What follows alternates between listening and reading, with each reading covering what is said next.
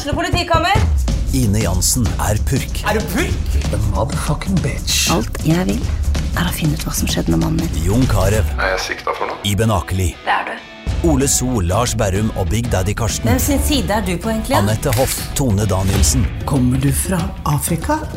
Jørnis Josef, Nesten. Kløfta. Trond Espen Seim, Det er synd å si det, men det var feil mann som døde. Purk. Premiere tirsdag på TV2 Play. Hei, og velkommen til en ny episode av eh, Debrif med Dag Sørås. Ja, jeg er ikke så, eh, er ikke så veldig ivrig på, eh, på Snapchat, men det, det må jeg kanskje gjøre noe med nå når det viser seg at utrykningspolitiet har en, har en, eller for alt jeg vet, flere kontoer der.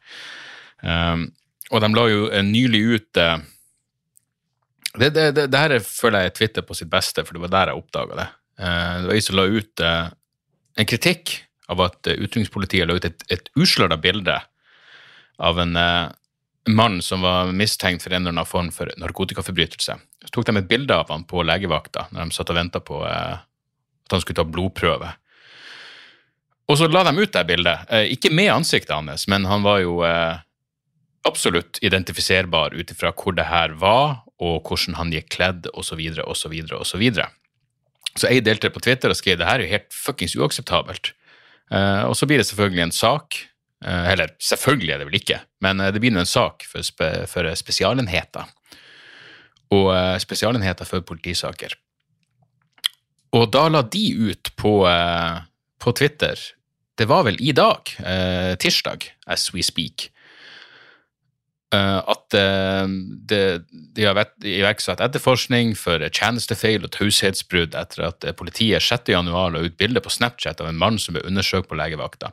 Og så skrev de først eh, bildet var sladda, eh, men eh, mannen var identifiserbar. Og så er det selvfølgelig folk som er redd på å bare skrive at eh, det stemmer ikke. Spesialenheter misrepresenterer fakta no, det de anerkjenner at dette faktisk blir en sak, må skrive at, eh, at ansiktet var sladda. Så, eh, så flere påpekte at denne må dere korrigere, det her stemmer ikke, så nå har de, nå de forandra tweeten. Jeg visste ikke at man kunne gjøre det, men man kan tydeligvis det. Eh, og nå står det bildet viser ikke persons ansikt, men hadde tekst om hendelsen og persons historikk hos politiet. Um, så ja. Mener, man må jo Det hadde jo vært skummelt, men potensielt eh, fascinerende å ta et lite dykk inn i hodet på de politifolkene da, som, som, som føler for å liksom stille ut en person i en kjip situasjon som et jævla trofé må ta bilde, bilde av han. Det, det er ganske jævla forkastelig. Eh, det er vel også drumroll forbudt å ta bilder inne på legevakta, så vidt jeg vet. Eh, jeg er ikke noe jurist, men det er vel ikke helt i samsvar med jeg vet da faen, loven om forsvarlig virksomhet. Så det er, jo, det er jo selvfølgelig trist for oppmerksomhetssjuke politifolk at de har et yrke med, med taushetsplikt, men, men, men sånn er det nå en gang. Og, og litt gøy å tenke på at, at, at, at sikkert noe liksom, ja, ok, så politiet jeg vet faen, For alt jeg vet, så brøt de loven med å ta det bildet, men, men herregud, de bryter loven for å ha litt harmløs moro. Samtidig som man altså arresterer folk for å røyke cannabis. Og det er jo Ja, vel eh, Det, det er jo ironisk. Eh, Det må det være lov å påpeke.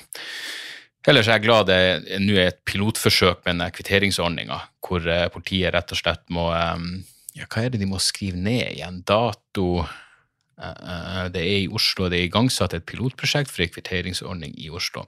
Kvitteringsordninga innebærer at politiet skal bekrefte at de har gjennomført en personkontroll. Eh, Bekreftelsen må også inneholde hva som var bakgrunnen for kontrollen, klokkeslett, dato og sted. Det er viktig at kvitteringsordninga inkluderer tollmyndighetene, og ikke bare politiet. Og som jeg nevnte flere ganger før, jeg ble jo stoppa helt uskyldig mann eh, i Brighton for mange år siden, eh, fordi eh, det lukta et eller annet ulovlig av meg, og så eh, da fikk jeg en sånn kvittering. Jeg ble jo paranoid mens, fordi politigummet brukte så lang tid på å skrive ut kvitteringer, jeg visste ikke hva han holdt på med, jeg lurte på om jeg ble, ble hanka inn, og så viste det seg nei, det, det her er bare en forklaring på hvorfor jeg stoppa det. Så, så det skal bli spennende å, å se.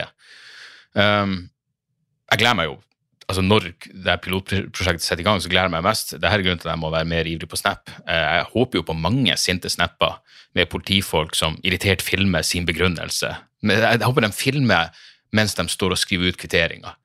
Ikke sant? Her er min begrunnelse for at jeg stopper mørkhuda 15-åring på Grønland. Han hadde hette på, og så sier de navn og dato og alt det der. Um, det, egentlig burde vi jo få spesialenheter for politisaker på Snap, så de kan filme møtene hvor de eh, flirer mens de henlegger saken uten å engang vurdere bevisene. De henlegger vel eh, tross alt eh, ja, rundt 90% av sakene, men, men det er jo sånn det er med tanke på at mange av spesialenheter sine ansatte er tidligere politifolk. Men uh, igjen, det betyr jo at de her folkene allerede er dreven på Snap. Så, så få spesialenheter for faen ut på SoMe generelt. Jeg vil ha en Instagram-konto, og de har sikkert en Facebook. Twitter har de jo åpenbart. Men uh, ja, nei. Spennende. Alltid trist når makta må stå til ansvar for sine overgrep, men, men sånn er det med en gang å leve i et presumptivt rettsstat. Uh, utenom det så er jeg litt, jeg er litt fascinert av uh, Jeg hører jo på, på mye forskjellige uh, podkaster. Alt fra veldig venstrevridde ting til libertarianere i USA og det meste innimellom. Og en av mine favorittpodkaster er en, en, fyr som heter Scott Horton.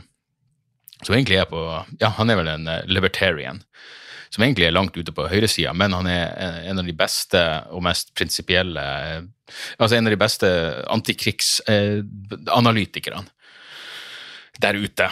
Og han hadde en episode hvor de driver og prater om eh, om spenninga mellom eh, Russland og Nato, og kommer Russland til å, eh, til å invadere Ukraina. og han nevnte en artikkel i New York Post som jeg fant, og så tenkte jeg Jeg, jeg hørte på det mens jeg sleit meg gjennom en helt grusom jævla joggetur i sneen. Jeg er blitt i så ræva form nå, men jeg er nå i gang igjen. Men eh, uansett så, så, driver de og prater om denne spenninga, og så nevner Scott Horton en, en, artikkel i New York Post. Og New York Post, så vidt jeg vet, er det jo søppelavis.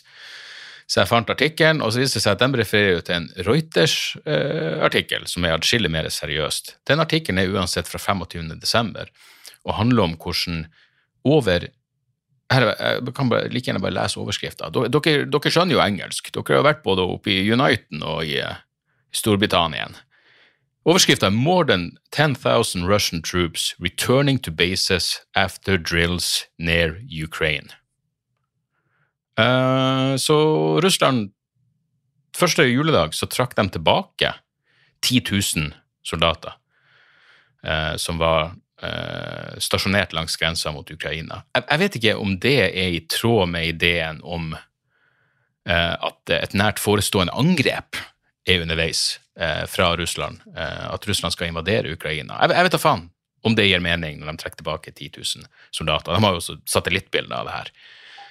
Så det, det, virker jo mer som om ja, det virker som om Russland akkurat nå er, er stor i kjeften, mens de sakte men sikkert trekker seg tilbake. Det er som når jeg, krang, når jeg pleide å være en kranglefant i fylla i min ungdom, så hadde jeg jo aldri lyst til å slåss. Jeg var jævlig stor i kjeften, men jeg gikk jo bestandig Jeg tok jo små, usynlige skritt bakover um, mens jeg kjefta, for å unngå å få meg en på trynet. Fikk en på trynet opptil flere ganger. Jeg husker en gang ble jeg slått ned hjemme i kåken min i Trondheim. Og jeg husker at jeg, jeg satt og diskuterte et eller annet med noen, og jeg husker jeg tenkte nå er jeg altså så stor i kjeften at det, det kan smelle. Og hvis det smeller, så er det min feil. Og det smalt. Jeg ble slått ned, jeg landa Altså, jeg datt. Jeg dro med meg, for jeg har jo ikke lyst til å miste drinkglasset mitt, så jeg dro med meg han, han slo meg liksom fra sida, så jeg, når jeg falt over ende, så dro jeg med meg drinkglasset mitt og prøvde å ikke søle den. Så jeg landa med ansiktet oppå drinkglasset og fikk en svær jævla ganske djup. Jeg har fortsatt et i panna.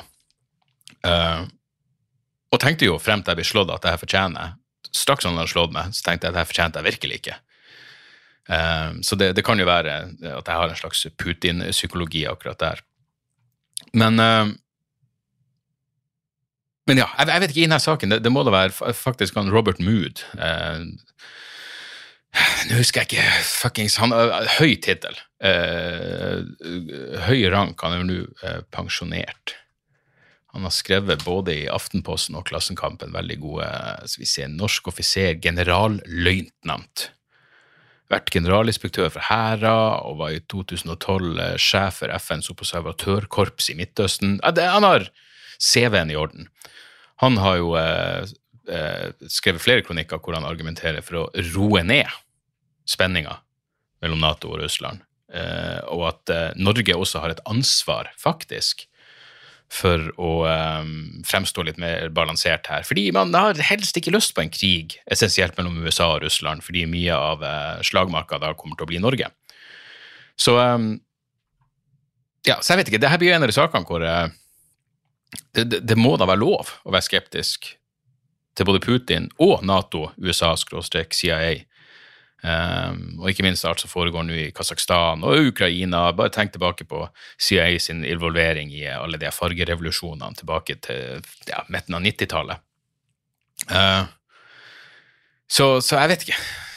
Minner meg liksom når jeg skrev masteroppgaven min, så var det jo uh, Det var jo uh, en slags sammenligning av hvordan USA brukte kommunismen som påskudd for uh, utenrikspolitiske handlinger under den kalde krigen, og hvordan da terrorisme erstatta kommunisme etter uh, Sovjetunionens fall, og så er det selvfølgelig med 9-11. Men da husker jeg tenkte sånn, det er den mest åpenbare forskjellen på USA og, Russland, og Storbritannia og, og Sovjetunionen, for faen. Hvis jeg sagt Storbritannia i stedet for Sovjetunionen frem til nå, så, så, må jeg vel nesten ta det på min kappe. Men hvor hele poenget var at USA var i de var begge stormakter, men USA var ei global stormakt, mens Russland var ei regional stormakt. Um, samtidig så er det jo altså Du trenger altså veldig, du trenger ikke du trenger ikke ha empati for russerne, empati for Putin, for å skjønne at, eh, at hvis også Ukraina skal bli Nato-medlem, og gjentatte Nato-øvelser rett på grensa til Russland, at det, du føler jo at du blir litt skjøvet inn i et hjørne og eh, ja, at du kanskje føler for å være litt defensiv. Um, ikke sant? Det, det, blir jo en banal sammenligning, men det er jo helt på sin plass å sammenligne det med at hvis eh, altså, altså, Russland har jo den kollektive sikkerhetspakten som en slags motsats til Nato. Det er Russland og Hviterussland og Armenia og Kasakhstan og en masse andre staner. Hvis den kollektive sikkerhetspakten hadde militærøvelser i ja, Mexico eller Canada eller, eller til og med Cuba, så er det jo mulig at, eh, at amerikanerne hadde, hadde, reagert litt. Så, eh, så, hvem vet? Det blir jo i hvert fall spennende. Men jeg føler jo at, at en skikkelig fucking storkrig nå uh, hadde vært på sin plass. Altså Akkurat nå når vi begynner, alle er så det begynner Jeg tror det begynner å synke i det. Det er mange som nå ikke bare er tiltakstrøtt med hensyn til covid.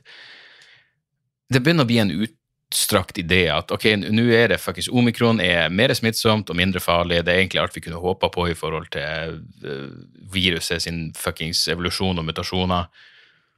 Uh, nå lar vi bare Straks når fuckings omikronbølgen har gitt seg, så, så, så, er det da, da, vi, da, går vi tilbake til et vanlig liv, og så, og så er vi alle bare innforstått med at ja, det er en viss risiko involvert, men uh, de som er mest sårbare, har fått tre vaksinedoser, og så får de kanskje en fjerde, hvem faen vet. Men, men altså, nå er det på eget ansvar, kan vi vel gå tilbake til et uh, mer eller mindre vanlig liv. Jeg, jeg, jeg, jeg, håper i hvert fall det. Poenget er, hvis vi omsider kan gjøre det, la oss si fuckings til påske, hvis det da bare ble en storkrig, helvete heller. En skikkelig fuckings krig. Um, ja. Hvis det da ble en storkrig, så det er jo da man blir lei seg fordi man innser at fuck ja, Hvis slaget om Narvik kommer nå såpass lenge etter andre verdenskrig, så vil vi jo være døde før vi får se eh, filmatiseringa av, eh, av, denne krigen. Men eh, Ja, men uansett, det, det, er jo litt spenning. Det er jo spenning og, og, og noe annet å se frem til. Jeg mener, hvis det blir storkrig, så vil det i hvert fall bli lite fokus på de nye variantene. Um, jeg vet ikke om uh, ja, om, om boosterdosen nummer to, tre og fire kommer til å være på tippen av tunga til folk flest. Hvis det er en fullblåts fuckings potensiell verdenskrig der ute. Hvem vet? Hvem vet? Uh, utenom det, så mitt hjerte blør jo uh, da jeg så uh, Kjersti Grini havne i, i hardt vær. jeg så bare hva, altså, overskrifta i Dagbladet var noe sånn Kjersti Grini, Farmen kjendis, overhodet ikke rasist, selv om hun brukte N-ordet. Og jeg tenkte Jesus!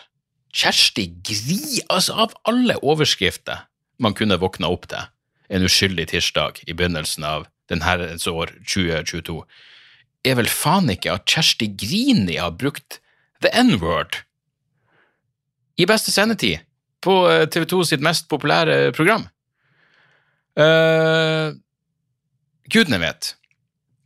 Uh, Nå viste det seg da at uh, N-ordet er jo Ja, det er et N-ord med kvalifikasjoner. Uh, jeg er ikke noe fan av noen av, av N-ordene, men det, det, her var det her var NE, ikke NI. Ille, absolutt, men jeg vet ikke helt om det føles det føltes som det var likt clickbaity å, bruke, å, skrive N-ordet, når, når, du egentlig mente det andre N-ordet. Ikke hoved-N-ordet, ikke det verste N-ordet. Men, men det her er jo ekstremt flaut. Det er det jo ingen tvil om. Og for det første, jeg mener, jeg, for det første, for det andre, for det tredje Jeg var håndballfan som barn. Jeg, jeg, jeg, faktisk, jeg digga Kjersti Grini. Jeg kan huske da det var OL i Ja, da jeg var ti år, 1998 tror det var OL i, eh, i Sør-Korea. Jeg sto faen meg opp, jeg og morsan sto opp klokka fem på morgenen for å se håndballkamper. Jeg var en stor jævla fan. Jeg satt og så på Kjersti Grini rocke kåken og tenkte vel aldri at hun var et fuckings dårlig fordekt Ku Klux Klan-medlem. Jeg hadde ingen anelse. Og jeg, jeg likte kvinnefolk altså, jeg, jeg føler når det er sånn at man diskriminerer når man gjør narr av kvinnefotball. Nei, nei, nei, på, på ingen måte. Kvinnefotball er latterlig. Men jeg syns også herrehåndball er like latterlig. Absolutt like latterlig. Uh, så, så, i min idealverden, folk må gjøre hva de vil, men ikke forvent at hvis, hvis, hvis, folk først skal betale for å se noe, så er det damer som spiller håndball, og menn som spiller fotball. Ikke spør meg nøyaktig hvorfor det er sånn, men det er nå en gang eh, objektive fakta, fakta og, og, to strek under eh, to strek under svaret. Men det Kjersti Grini tydeligvis har gjort, og det her er jo, igjen, det her er, det her er cringe som eh, småungene sier. Bruker jeg N-ordet, og så står det allerede på dag to Nevnte jeg? Nei, det var vel på en Patrion-episode jeg nevnte at jeg ble spurt eh, om jeg ville være med i eh, neste runde med Farmen kjendis. Og eh, jeg sa jo nei, for det er ikke helt for meg, men, men når jeg ser sånne her saker, så skulle jeg jo virkelig ønske jeg var der. For jeg, jeg tror, grusomt på mange måter som det her er, så, så det hadde, det hadde, vært noe, ikke bare vært flua på veggen, men en av deltakerne når denne situasjonen oppsto. For Jesu navn, så flaut. Så det står bruker N-ordet. Allerede på dag to skal de nemlig, de nyankomne uh, uh, Ja, det står bare at Farber kjendis starter med en smell. Det, det her er jo helt fantastisk fuckings eh, reklame for Farmer kjendis. At de får det som en seriøs artikkel i Dagbladet. Men allerede på dag to skal nemlig de to nyankomne nei, nemlig de nyankomne, gjennomføre et kuslipp. Det blir av det dramatiske slaget da deltakerne, og ikke minst Kjersti Grine, plutselig får se en brun ku som er helt svart i ansiktet. Det såkalte N-ordet detter nemlig ut av munnen på den tidligere håndballspilleren. Har vi fått en negerku, sier hun i programmet, noe som vekker sterke reaksjoner blant flere av de andre spesielt Adam Ezari og influenser og sommerhyttavinner Øyunn Krog Nei, var Øyunn der? Beskytt hennes uskyldige øyne. Øyunn som bryter ut i tårer. Ok, for det første, jeg skjønner ikke engang referansen Nå må jeg Vet du, jeg skal google ku. Kanskje kao, for å være internasjonal og få flere treff. Være mer internasjonal enn fuckings Kjersti, Grini klarer å være. Nei, jævla nazien. Ok, nå googler jeg kao. Ja, det er jo veldig mange svarte og hvite, men det er jo også en del brune og hvite. Så hva er sjokkerende? Er det det at ei ku som er brun og svart i ansiktet? Er det det som var bare estetisk overveldende og overrumplende på Kjersti Grini? Jeg, jeg vet ikke. Men det verste er jo forsvaret til Kjersti Grini. Um,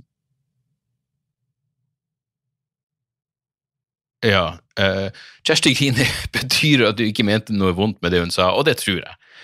Men at hun opplevde, og at hun opplevde situasjonen som ubehagelig, ja, det tror jeg i hvert fall på. Uh, men så kommer det her. For både for, for, meg og de som tok dette opp, egentlig. Jeg trodde lenge at reaksjonene skulle roe seg, og det gjorde det også ganske fort. Men der og da var jeg kanskje litt oppgitt over dette krenkelseshysteriet, sier hun til Dagbladet. Og så med det samme så tenkte jeg fuck, skal du prøve å forsvare det tåpelige Jeg mener, hvordan kan de si Jeg vet ikke.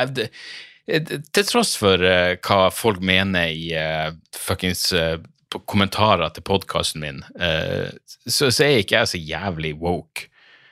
Men liksom at, at, at man ikke sier neger lenger, det, det har jeg fått med meg. Jeg kan faktisk huske da første gangen farsan, for 20 år siden sikkert Jeg var jo tenåring, så det er faen 30 år siden.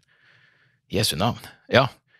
Sa neger. Og så sa det, det kan du ikke si. Han var sånn, hvorfor kan ikke jeg si neger? Jeg sa neger overalt. Når ble den avgjørelsen tatt? Og jeg bare, hei, er du ikke, på mailinglista til pk.no? Men, men poenget var bare at det er ganske så jævla lenge siden. Eh, ja, det var et ord man brukte, rent deskriptivt. Men det begynner å bli en stund siden. Så å begynne å gjemme seg bakom noe krenkelseshysteri, det virker patetisk. Helt til man kommer på at hun der influenseren begynte å gråte. Hun tok til tårene. Jeg mener, ok Hvis du begynner Hvis Kjersti Grini,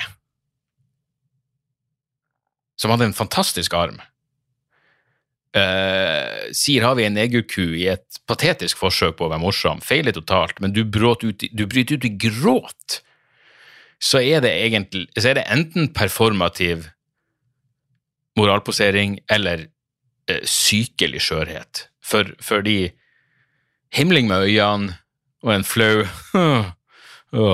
Det er eneste reaksjon, og så er vi ferdig med det. Det er ikke krenkelseshysteri, men det er heller uh, ingen grunn til å gråte. Men her er det mest interessante. Det var først da Grini kom hjem, at det virkelig gikk opp for 50-åringen at hun hadde sagt noe hun ikke burde sagt. Eller tenkt i dette tilfellet. Hvem faen tenker det? Hvordan er det det du går til? Det er sånn som Jeg hørte noen gang som sa at eh, og de hadde brukt jøde som et skjellsord, bare uten å tenke seg om. Så er det sånn, Hvorfor er det på tippen av tunga di som et fucking skjellsord? Hvorfor er det noe du en gang impulsivt sier?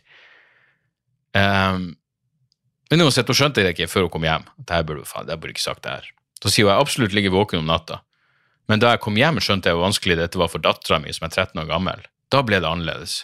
Først da gikk det skikkelig opp for meg hvor krenkende det ordet oppfattes for mange unge. Så hun sier at det gikk egentlig ikke opp for henne før hun kom hjem. Men hun lå våken på natta etterpå, på grunn av det her. Men det gikk liksom ikke helt opp for henne. Hun lå liksom bare våken og tenkte jeg vet da faen, hvorfor, jeg, hvorfor ligger jeg våken? Hva er det jeg ligger og tenker på igjen? Legg deg ned og sov, Kjersti, for helvete. Du fikk jo sove før eh, OL-finalen i Seoul i 88, og så ligger du våken nå bare fordi du har prata om negerkyr, eller negerkue, eller ei negerku. Én. Unnskyldninger, forklaringer. Uh, det gikk opp for meg at om man bruker det ordet i dag, så krenker man dem som har slåss for å bli kvitt den benevnelsen, og som ikke har valgt den selv. Og som ikke har valgt den selv. Hmm. Se, det er enkelte som bare ikke burde unnskylde seg. Bare si 'jeg fucka opp', no further comments. De har ikke valgt det sjøl. Det er fordi hvis du, hvis du, er mørk i huden og har valgt det sjøl, så er det sånn Ok, men da, da, da må du gå i deg sjøl når du ikke har valgt det sjøl, så er det ikke din feil. Saken ble enkel for meg, det er ikke et ord jeg lenger har tenkt å bruke. Nei, det var nå enda bra. Men jeg mener da bestemt Hun sa noe om generasjon, som var det virkelig toppen av det hele. Herregud, for en lang artikkel her. Ja, her kommer det. Så tilbake til start, står det. Jeg er overhodet ingen rasist, men jeg er et resultat av tida jeg vokste opp i. Så jeg kan forstå at folk opplever meg som det.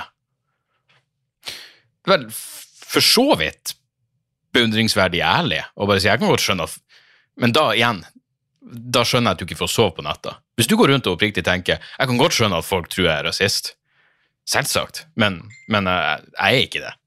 Ja, da, da, burde du ikke sove godt. Uh, men jeg er et resultat av tida jeg vokste opp i. Tida hun vokste Ok. Kjersti Grini. Hvor gammel er hun? Hun var ikke så mye Hun er 50 år! Hun er, hun er født i 1971. Ok, jeg er født i 1978. Jeg er ikke så jævla langt unna. Skal du bruke tida du vokste opp i, som om du vokste opp i fuckings Tyskland på 30-tallet, eller USA på fuckings 50-60-tallet? Er det det du går for? Du er 50, for helvete! Du burde virkelig vite litt bedre. Og det hele er jo flaut, men bare, bare ikke si noe mer. Helvete, jeg, jeg er glad Kjersti Grini ikke jobber i politiet. Føler jeg hun vandrer rundt der.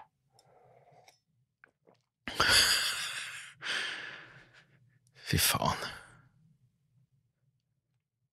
Ja, nei. De som har lagd Farmen, må være så jævlig fornøyd med at de kunne få noe sånn i første fuckings episode. Og så, og så Jeg tror ikke Jeg, jeg, jeg tror hvis, hvis det var noen som ikke reagerte, så var det Mini Jacobsen. Jeg tror bare Mini Jacobsen har henga med Davy Vatne i flere tiår. Var ikke de sammen ei stund? Det tror jeg. Uh, så, så, så, jeg tror ikke han hadde noe problem med det her. Men altså, jeg kommer fra en annen generasjon. Helvete heller. Virkelig. Du er 50 år. Du, du kan ikke bruke den. Det var i annen tid da. Ja, hva, hva, jeg sa rasistisk piss i tenårene mine eh, fordi jeg prøvde å tøffe meg på ungdomsskolen, selv om jeg var kompis med eh, Ja, jeg, jeg husker vi hadde en fra Afghanistan i klassen. Jeg var kompis med han, og samtidig var jeg en fuckings rasistisk kuk bak hans rygg. Fordi jeg trodde jeg skulle få ta på puppene til ei anna i klassen som var fin og litt rasistisk. Uh, det er ikke noen unnskyldning. Du er 50. Helvete, for en flau fucking sak. Jeg, jeg, jeg, vet ikke. Jeg tror Kjersti, når du skal snakke med Dagbladet, uh, si at du tar det skriftlig. Um, si at Send meg spørsmålene. Det her er det jeg pleier å gjøre. Send meg spørsmålene, så skal jeg svare skriftlig. For da, da, da får du se hvordan det ser ut på trykk. Og det her ser ikke så jævla bra ut.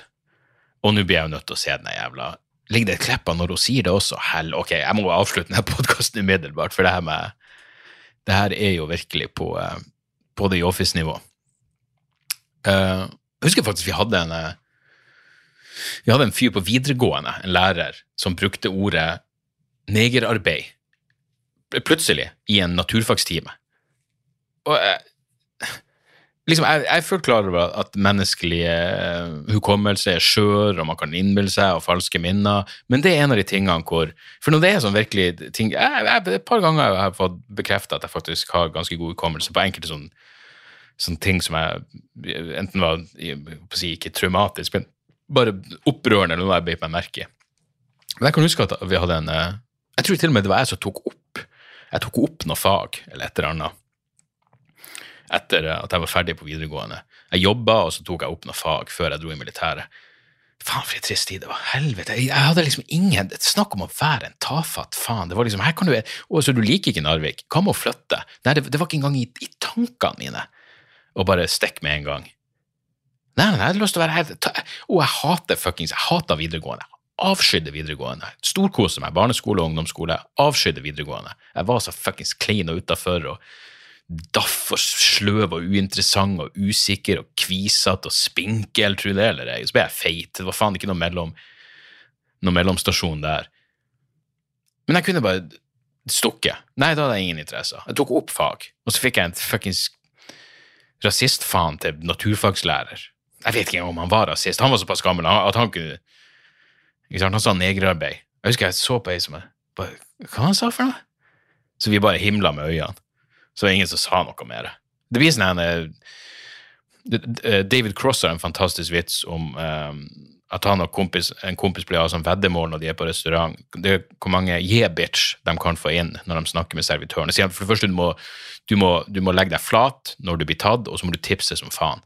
Men da må du si sånn yeah, bitch, så de kommer og sier hey, would like to see them uh, drink menu. Yeah, bitch, I'd love to uh, uh, oh, do you want some starters? Yeah, bitch, uh, what's the deal with the Salmon eh, ikke sant? Hvor mange e-bitch klarer du å få inn? Fordi folk blir sånn Hæ, det kan ikke vært det han sa. Sånn var det med naturfaglæreren som brukte ordet negerarbeid. Så vi himla med øynene. Nå skal det sies uh, 19, ja, nei, vi hadde ingen mørkhuda i, i, i, den klassen. Fordi hadde vi hatt det, så hadde det blitt noe annet. Da hadde det vært ei fuckings plikt uh, å si ifra. Men det var bare masse hvitinger, og det er minste motstands vei da tenker du hei, fuck, den her jævla Ja. Veldig gammeldagse kuken som skal sette karakterer på oss. Jeg mener, Han var fra en annen generasjon. Han garantert død av alderdom for flere tiår siden. Men uh, Ja. Fuckings Kjersti Grini. Jeg digga kvinnehåndball. Elska det. Og det er sånn rart, fordi jeg var fotballfanatiker Altså sånn eh, Ja, jeg, tok opp fotballkamper så dem om igjen. Bestilte VHS-kassetter med gamle med sånn de beste målene fra Premier League, det heter vel ikke det da, jeg vet da faen, engelsk eh, eliteserie, første divisjon, hva enn det var. John Barnes og Glenn Waddle og alle de gode guttene. Som bestilte tre timer lange, det kunne være fire timer lange VHS-kassetter. Bare med opptak av eh, de beste målene. Og jeg kunne se det om og om og om igjen, og så øvde jeg og prøvde å lære meg de samme triksene. og Nekta å ta skjorta nedi shortsen, for det var, gjorde ikke Glenn Waddle. og eller Chris Waddle, jeg husker ikke. Han hadde, han hadde i hvert fall mullet, og det var jo fantastisk. Um, hva var poenget med det her? Jo, poenget var at jeg var, jeg, straks jeg slutta å spille fotball sjøl, så mista jeg helt, helt, interesse for å se på det. Det var ikke sånn, Hvorfor skal jeg se på det når jeg ikke kan bruke det? Um, veldig rart. Jeg, jeg, jeg, liksom, jeg, så liksom ikke på fotball som underholdning. Det var som hvis jeg slutta med standup, så, så da kunne jeg ikke se standup. For det er sånn, hvorfor skal jeg gjøre det? Jeg, jeg lærer jo ikke noe av det her. Uh, nå føler jeg ikke at jeg lærer noe av 99, 98% av det jeg ser av standup nødvendigvis uansett, men, men det er litt rart. Men så hvorfor så jeg kvinnehåndball? Det var, det, og det var ikke som det var noe, noe sexy lag, så vidt jeg husker. Uh, ikke sant? Trine Haltvik, det var vel faen ikke det. Det var først når Mia Hundvik dukka opp, at det gikk fra ingenting til alt. Utenom det så tror jeg det var ganske sånn uh, Ja, eller jeg likte jo jentene. Men det var ikke noe seksuelt i det på noen måte. Uh, uansett, tida springer jo i fuckings fra oss her. Uh, hva skjedde her? Jeg hadde, jeg hadde, bursdag, for faen, i går. Eller i overgår. Søndag hadde jeg bursdag. Um, jeg lot det forbigå i stillhet. Faktisk, jeg gikk, jeg gikk aktivt inn og fjerna um, fødselsdatoen min på Facebook, sånn ikke skulle være skulle, at ikke folk skulle få opp at jeg hadde bursdag. Uh, jeg vet ikke helt hvorfor. Det, det, liksom, det egentlig, jeg vet faktisk ikke hvorfor jeg gjorde det. fordi det er vel noe med at man liksom 44 Det er jo ja, Nå er, er, det ett år til jeg er offisielt middelaldrende. Men det, det virka ikke som noe, noe stas. jeg ville at det bare skulle forbigå i stillhet. Uh, samtidig så syns jeg det er litt gøy når Eller jeg syns det er veldig hyggelig med bursdagshilsener, men helvete, det er ikke mange bursdagshilsener når du fjerner det fra Facebook. Folk ikke får det med seg. Da ser du virkelig hvem husker bursdagen din. Ja, Det var glad Sander og Anne Marie husker han, og Morty dog, ikke minst. da. Nærmeste familie. Par kompiser, men utenom det å, det var stille. Stille. Men det er null stress. Eh, jeg storkoser meg. Jeg, jeg, jeg fikk blant annet ingrediensene til både Negroni og whisky sour, og da mener jeg sånn alt. Altså fra bønn. Eh, og jeg lagde Faktisk, Jeg hadde aldri trodd Anne Marie skulle like verken Negroni eller whisky sour, men uh, det falt i smak hos henne også, og den ble helt fortreffelig. Og jeg var overraska. Det, det, bare sånn, jeg, jeg, er ikke noe Jeg elsker cocktailer, uh, men jeg lager det veldig sjelden hjemme, altså utenom det letteste. Liksom Jeg heller med en whisky. Det er vanligvis det. Hvis jeg, ikke så ofte jeg drikker sprit hjemme. Veldig sjelden, egentlig. Fremst ikke har besøk, men da, da, er det vanligvis uh, whisky. Uh, Singelmort whisky eller en GT eller noe sånt. Men faen, altså. Hadde jeg visst at det var så lett å mekke sammen en fuckings whisky sour, så hadde jeg gjort det atskillig oftere. Så, uh, så det, var, det, det, var, det, var, digg. Men man blir jo faen meg Man blir jo eldre, og det, det er det samme problemet som det å liksom legge på seg. Du ser, du ser deg sjøl hver dag, så du legger faen ikke legger faen ikke merke til Men jeg husker enda når vi, vi var, og Det er ikke så lenge siden vi var, gikk en, trødde en tur en plass, og så så jeg der, jeg bare så noen andre, og så fikk jeg den følelsen av at ja, ja. Så tenkte jeg, han, der, han der er på min alder, men faen. Han ser eldre ut enn meg. Det kunne vært verre. Det kunne absolutt vært verre. Ikke sant? Så tenker du, du Du nyter den følelsen helt til du innser at du så din egen refleksjon i et fuckings butikkvindu. Det var ikke litt rart at fyren hadde på seg akkurat det samme som deg, og at han også gikk la med kone og barn og bikkje? Nei, kunne vært verre. Nei, det er fuckings deg. Det er så ille som det. Man blir eldre. Jeg, skal, jeg, må begynne med fuktighetskrem, går jeg ut fra. Fuktighetskrem hver dag. Kanskje det hjelper. Stort hode har jeg også. Det var en fyr som sendte meg på en link fra eh, Illustrert vitenskap. Illustrert vitenskap er vel vitenskapen Se og Hør. Uh, men overskrifta var 'Er folk med store hoder smartere'? Jo, det var det jeg og Kristoffer uh, Schjelderup fra Skamfrelst vi gjorde en Patrion-episode. Patrion.com slash Dag Soras, hvis dere vil bli medlem der og få bonusepisoder. Vi gjorde en episode og så begynte vi å prate om at jeg har stort hode, og eh, så var det noen som har hørt den og sendt meg linken til artikkelen Er folk med store hoder smartere? Studiet viser at folk med store hoder også har store hjerner, og selv om intelligens er vanskelig å definere, tyder alt på at hjernens størrelse har innflytelse på hvor intelligente vi er, og da er jo jeg et fucking geni.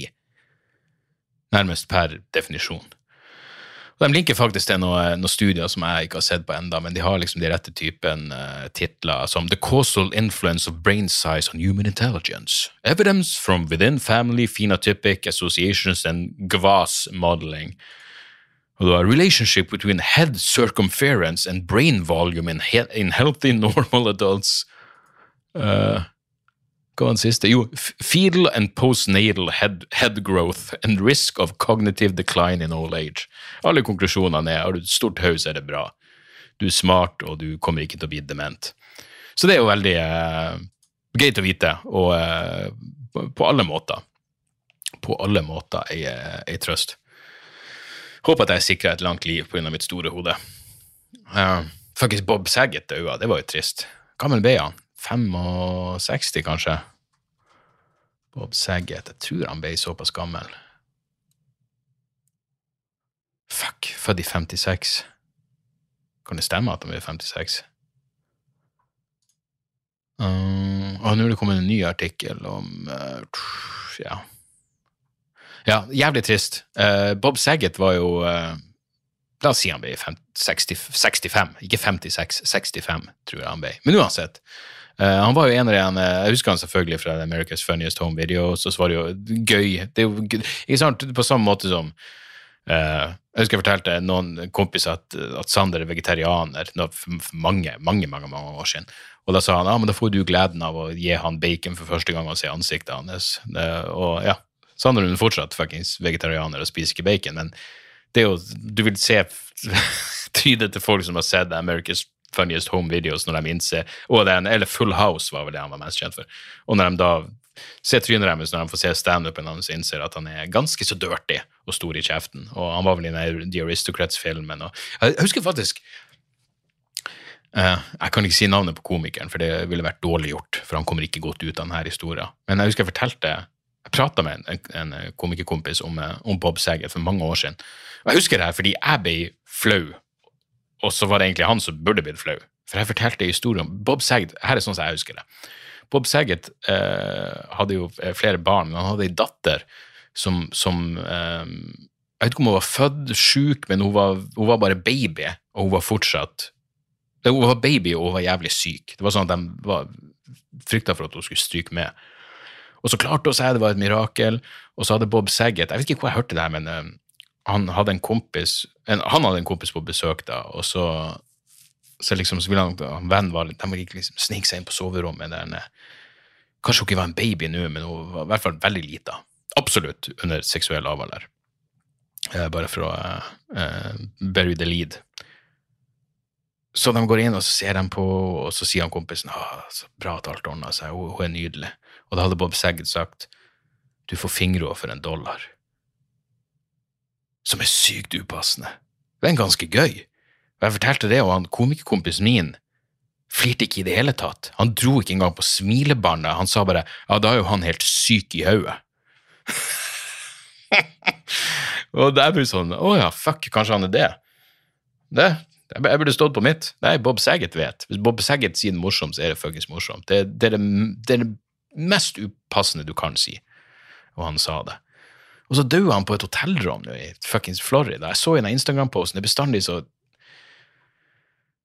trist og sånn småcreepy når du ser noen legge ut. Jeg lurer på om han la ut samme kvelden eller dagen før at han hadde et bra show. og Jeg husker bare det han skrev. var sånn um, Det er så godt å være i gang igjen, og jeg vet, jeg, han skulle få filma en special, og så skulle han begynne på nytt materiale, for han er hekta på standup. og Ja, jeg, det, det, det var bare jævlig trist. Um, men kanskje også trist at det var, det var ingenting i um, Jeg bare fant akkurat nå en tittel som sier at 'Signs of heart attack or stroke'. Men det her er TMC her, Jesus. De sitter jo bare og fuckings finner på ting og gjetter. Men så vidt jeg så, så var det ingen Obduksjonen viste at han ikke hadde noen narkotikumer i systemet. Eh, hvis, hvis, hvis utrykningsetaten hadde stoppa Bob Saget, så han ikke havna på Snapchaten deres. Men han døde på et hotellrom. For en trist komikerklisjé. ikke sant? Du hører så mange, ut. Jeg har hørt et intervju med Ron White, som er en eldre herremann og fantastisk komiker. Han var sånn Fuck, jeg kan ikke dø på et hotellrom. Det kommer til å bli et fint hotellrom, men jeg kan ikke dø på et hotellrom. Og så gjorde Bob Saget det. Men han klarte jo å unngå å bli en klisjé ved at han ikke var hadde poppa i seg masse piller eller tatt for mye cola eller drukket seg i hjel. Ja, hjerteinfarkt eller slag, ifølge TMC. Bob Saget kunne blitt en klisjé, men så døde han altså nykter og unngikk det i, eh, i, siste øyeblikk. Men hvil i fred til en uh, åpenbart Jeg mener er bare ja, alle komikerne jeg følger på, på, Insta og Twitter, og det har vært så mange fine historier, og han var åpenbart en, uh, en kjernekar. Så uh, skål for Bob. Um, utenom det så hadde jeg en liten, bare sånn avslutningsvis, en liten sånn Jeg vet ikke. Jeg, det, det, hvordan var det igjen? Jeg må tenke, for det det var vel etter forrige ukes episode at det her skjedde, hvor jeg prata med brorsan, og så han var havna i karantene, og så var det uh, Hvordan var det igjen? Ja, havna i, i karantene. Nei, jeg prata med morsan, så fortalte hun meg at broren min var havna i karantene fordi noen på jobben hans var sjuk, og så hadde hun uh, og så sier morsan sånn Hvis han bare hadde hatt den tredje dosen, så hadde han jo sluppet en jævla karantene. Og så jeg bare 'hæ, hva er det du sier for noe?' Hun bare 'jo, for det, hvis, du, hvis, du har, hvis du har tre doser, så slipper du karantene'. Så jeg gikk inn og googla, jeg doktor googla det til, og så fant jeg ut det stemmer jo faen meg. Um, du slipper karantene hvis du har tre doser. Og jeg hadde på dette tidspunktet bestemt meg for å Da hadde jeg fått innkalling eh, samme dagen til at jeg kunne finne et tidspunkt som passa til at jeg kunne ta min tredje dose. Og jeg hadde bestemt meg på forhånd for å ikke gjøre det. Eh, jeg trenger ikke det, føler jeg. Um, jeg har to doser, og jeg har gjennomgått sykdom, så det tilsvarer tre doser. Uh, så jeg så liksom ikke noe grunn for Da vil jeg heller vente til lengre ut, i, ut på året, når uh, for alt jeg vet, de andre er på sin fjerde dose. Jeg vet da faen. Men jeg følte at jeg har tre doser, det skal være like Og, og dessuten så hadde jo helsemyndighetene ikke anbefalt. Det er at du ikke tok en tredje dose hvis du, hvis du hadde to doser og gjennomgått sykdom. Men så ser jeg jo at det står at to doser og gjennomgått sykdom, da må du i karantene hvis du får en nærkontakt som er smitta. Så de likestiller med andre ord ikke to doser og gjennomgått sykdom og tre doser her i Norge. Det er ikke likestilt. Så jeg ringer en koronatelefon, og så sier jeg, forklarer situasjonen, og så sier jeg ja, så sånn er det, jeg hadde ikke tenkt å ta en tredje dose, men nå må jeg vel nå må jeg vel vurdere å gjøre det, bare så jeg slipper karantene. Og hun bare nei, nei, nei, du får ikke en tredje dose hvis du har gjennomgått sykdom. Jeg bare, Hæ? Men jeg fikk jo en melding med invitasjon til flere ledige timer. Hun bare ja, nei, men de, de, de som sender det, vet ikke at du har vært syk. Så hun sa det som ville skjedd, at når jeg kom bort for å få tredje dose, så ville de spurt har du gjennomgått covid-sykdom tidligere. Jeg ville sagt ja, fordi jeg er en ærlig mann, og da ville de sagt sorry, dra hjem, da får du ikke tredje dose. Så jeg kan ikke få tredje dose om jeg så ville! Og så ser jeg, samme fuckings dag, at EU forandrer innreisekrav, eller hvis du skal reise fritt innad i EU etter 1. februar, så må du ha tre doser. Og to doser gjennomgått sykdom gjelder ikke. Og så går direktøren i Helsedirektoratet eller hvem det var ut, og sier at det er jo veldig problematisk at, EU ikke likestiller to doser gjennomgått sykdom med tre doser. Det gjør jo faen, faen ikke vi heller. Vi gjør ikke det i Norge når det kommer til fuckings karantene. Så jeg skriver et eller annet på Twitter, og så tagger jeg helse, Folkehelseinstituttet og spør om et svar, og så får jeg sånn et fuckings antivax-dildoer som har tydeligvis havna på radene deres etter tidligere utspill, som er sånn 'Å, du må ikke stille sånne her spørsmål, for da, da blir du en av oss. Da blir du sett på som en antivakser.' Sånn, er det det dere gjør? Er det det dere holder på med? Dere finner tilfeldigvis gapende hold i nåværende reglement? Er det det dere holder på med? Jeg, jeg trodde dere bare hørte på Rogan og gjentok det Robert Malone satt og løy. Nei, nei, nå er de plutselig så jævla selvstendige tenkere. Um, men ja, Så jeg, jeg vet da faen. Jeg, jeg går bare sterkt ut ifra at de kommer til å kommer til å måtte forandre det her. Og, og jeg sa det til henne på koronatelefonen. Jeg sa bare sånn, for Hun sa bare ja, det er et godt spørsmål, men uh, sånn er det vel per nå. Så sa jeg, okay, hør, her, jeg, vet at dette ikke er din jobb, men kan du pekke i noen og bare si at det her må de ordne opp i? Ikke sant? For det, det, det går ikke. For da må jeg på et eller annet vis få, få ta den tredje dose. For det er også altså, enda mer, enda mer irriterende, faktisk enda mer irriterende enn de fuckings antivakserne som tenker sjøl og kommer med sauememes. De tenker så sjøl at de sier nøyaktig det samme som alle andre som har eh, svelget hvordan en farge det er på den antifuckings-vakspilla de spiste. Uh, synd det ikke var fentanyl i den. Um, en, det skal sies, det var bare én, han skrev bare ja, men du bare en, få en negativ test før du skal reise. Hva du syter etter? Det er jo ikke fuckings poenget! Poenget er jo at jeg med to doser og gjennomgått sykdom skal ha den samme fuckings reisefriheten som de med tre doser. Fordi det er null vitenskapelig grunnlag for å si at vi ikke er akkurat like godt rusta eh, til å stå imot alvorlig sykdom, som tross alt nå er det det handler om. Og, handler om, og eh, ah, Sinnssykt klar for at ting bare åpner opp igjen. Og det, og det er Ingvild Kjerkol, jeg mener, altså vår helseminister og helse- og omsorgsminister. Hun viser ingen fuckings omsorg for min mentale syke. Jeg, for det første, jeg må ærlig innrømme at jeg har en sånn ene det er jo ikke basert på noe, men det er liksom vanskelig for å ta damer med trønderdialekt seriøst. Jeg vet ikke hva det er for noe. Og Ingvild er jo Kjerkol er jo trønder, hun blir vel spytta ut i Stjørdal. ikke sant? Hun bærer preg av det og gjør det. Men sant, når damer prater trøndersk, det Jeg vet ikke. Og jeg mener ikke det som noe, noe diskriminerende, verken mot damer eller trøndere, for jeg tar jo, jeg tar jo trønderske menn seriøst. Ikke sant? Men fra folk jeg kjenner, fuckings komiker Malene Stavrum til uh, til folk jeg ikke kjenner. Tidligere håndballspiller Trine Haltvik. Til nesten alle damer som jobber på kontoret i managementet mitt. De prater jo trøndersk. og Man klarer jo ikke å ta det seriøst. Man flirer inni seg hver gang de prøver å si noe på sitt eget forvridde og uforståelige vis. Så tenker man det er søtt, de prøver nå. Men helvete, jeg klarer ikke å ta det seriøst. Og jeg liker jo trønderdialekten. Trondheim er faktisk en av mine favorittbyer. Så, så, det er noe kjønnsspesifikt her. Men ikke sant? politikere bruker trønderdialekt. Du klarer ikke å ta det seriøst. Ikke når det er dame. ikke sant? Kjerkol prater. Klarer ikke å ta det seriøst. Trond Giske prater. Da er det noe annet. da er det faen meg noe annet. Helvete heller. Jeg begynner å bli i godt humør. Uh, ja, jeg tror, det, jeg, tror, jeg tror, vi kaller det en episode, gjør vi ikke det? Som sagt, hvis dere vil ha mer episoder, så får dere gå på Fuck, tida har gått! Uh, får dere gå på patreon.com slash dagsoras. Um, har jeg noe show kommende opp? Neste uke står jeg på Latter. Uh, tirsdag, fredag og lørdag. Eh, på bar bakke med nytt materiale, så eh, rull innom der hvis det fortsatt er noen billetter. Jeg, hva er det vi håper? Jeg går ut fra skjenkestoppen blir avlyst på fredag, men eh, om de åpner opp for noe, noe mer publikum, det vet jeg faen ikke. Men uansett, show på latter blir det i hvert fall.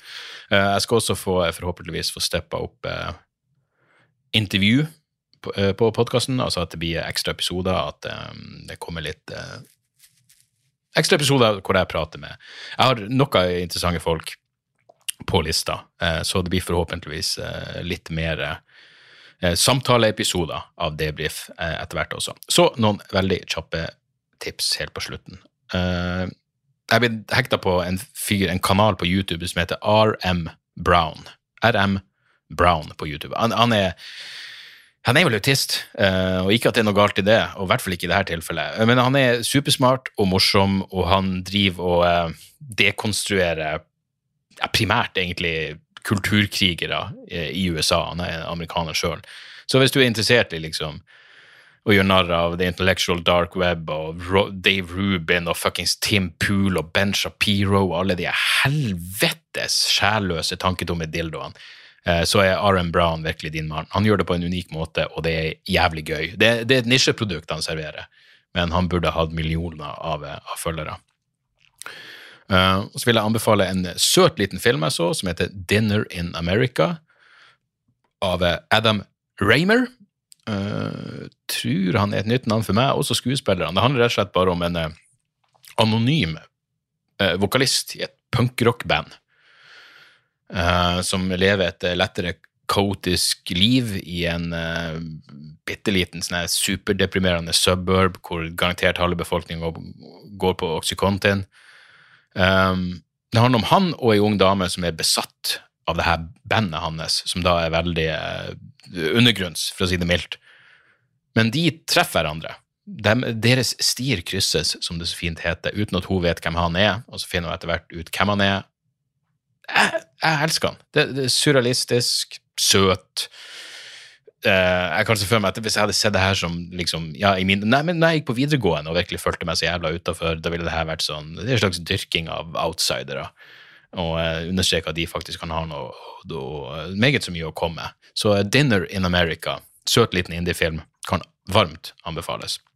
Og så må jeg anbefale uh, den siste Eller hva vet jeg, han har sikkert lagd 25 dokumentarer etter det her. Alex Gibney sin nye dokumentar, The Forever Prisoner, som handler om uh, Abu Zubayda, som uh, den, den, dokumenterer egentlig om hvordan, uh, etter 9-11, hvordan hvordan blir det CIA kom inn og tok over avhør av en, av en um, fange, en detainee, som de sendte til en såkalt black site i Thailand. Site er bare det er en plass hvor du kan sende noen hvor de er, ikke er beskytta av amerikansk lov, eller internasjonal lov, for den saks skyld. Og så kan de eh, torturere og styre og slå seg løs. Men poenget er at Abu Zubeida ble avhørt av FBI og fikk god rapport med sine avhørere og, og ga dem nyttig informasjon. Og så kom CIA inn, CIA inn og tok over og bare ødela alt med å begynne å fuckings waterboarde og tortur torturere og misbruke den jævla fangen. Og han sitter fortsatt på Guantánamo. Og uh, de viser blant annet tegninger som han har lagd av det han gikk gjennom, og det er relativt grimme saker. Um, det er et eller annet sånn uh, Ja, det er et, et, sitat der som er Ja, du, du, får litt sånn frysning. Det er vel en av de ene Om det er en av de CIA-folkene som sier at han er han, han fangen He has opted out of the human race. Han er ikke lenger et menneske. Han har sagt fra seg sin status som menneske. Og da kan man selvfølgelig gjøre med han det man vil. Så uh, The Forever Prisoner på, uh, på, HBO Max anbefales nå så inn i helvete, eh, på lik linje med de fleste av Alex Gibney sine dokumentarer. Han har også laga en jævlig bra dokumentar som heter The, Crime of the Century, om Oxycontin. og han er vel inne på Sekler-familien også, så hvis dere har sett Dopesick-serien, som jeg har tanker om, har fortsatt to episoder igjen men, eh, og dere vil ha eh, den virkelige store bak, så kan dere eh, sjekke The Crime of the Century, også på HBO Max. Så det var det hele, folkens. hvis dere nærmer meg 1000 omtaler på Apple Podcast, så hvis dere ennå ikke har lagt igjen noen stjerne der, gjør gjerne det. Det hadde vært hyggelig å nå det til tresifra tall der. Du vet det som en snart middelaldrende mann, så betyr det noe. Eh, og nevn podkasten for en venn. Eh, spre gjerne ordet, jeg vil at podkasten skal vokse, men først og fremst er jeg bare glad for at dere hører på. Så, um, så det var det for denne uka. Vi snakkes snart. Håper det går bra med dere. Tjo og hei! Moderne media. Har du et enkeltpersonforetak eller en liten bedrift? Da er du sikkert lei av å høre meg snakke om hvor enkelt det er med kvitteringer og bilag i fiken, så vi eh, gir oss her, vi. Fordi vi liker enkelt. Fiken superenkelt regnskap.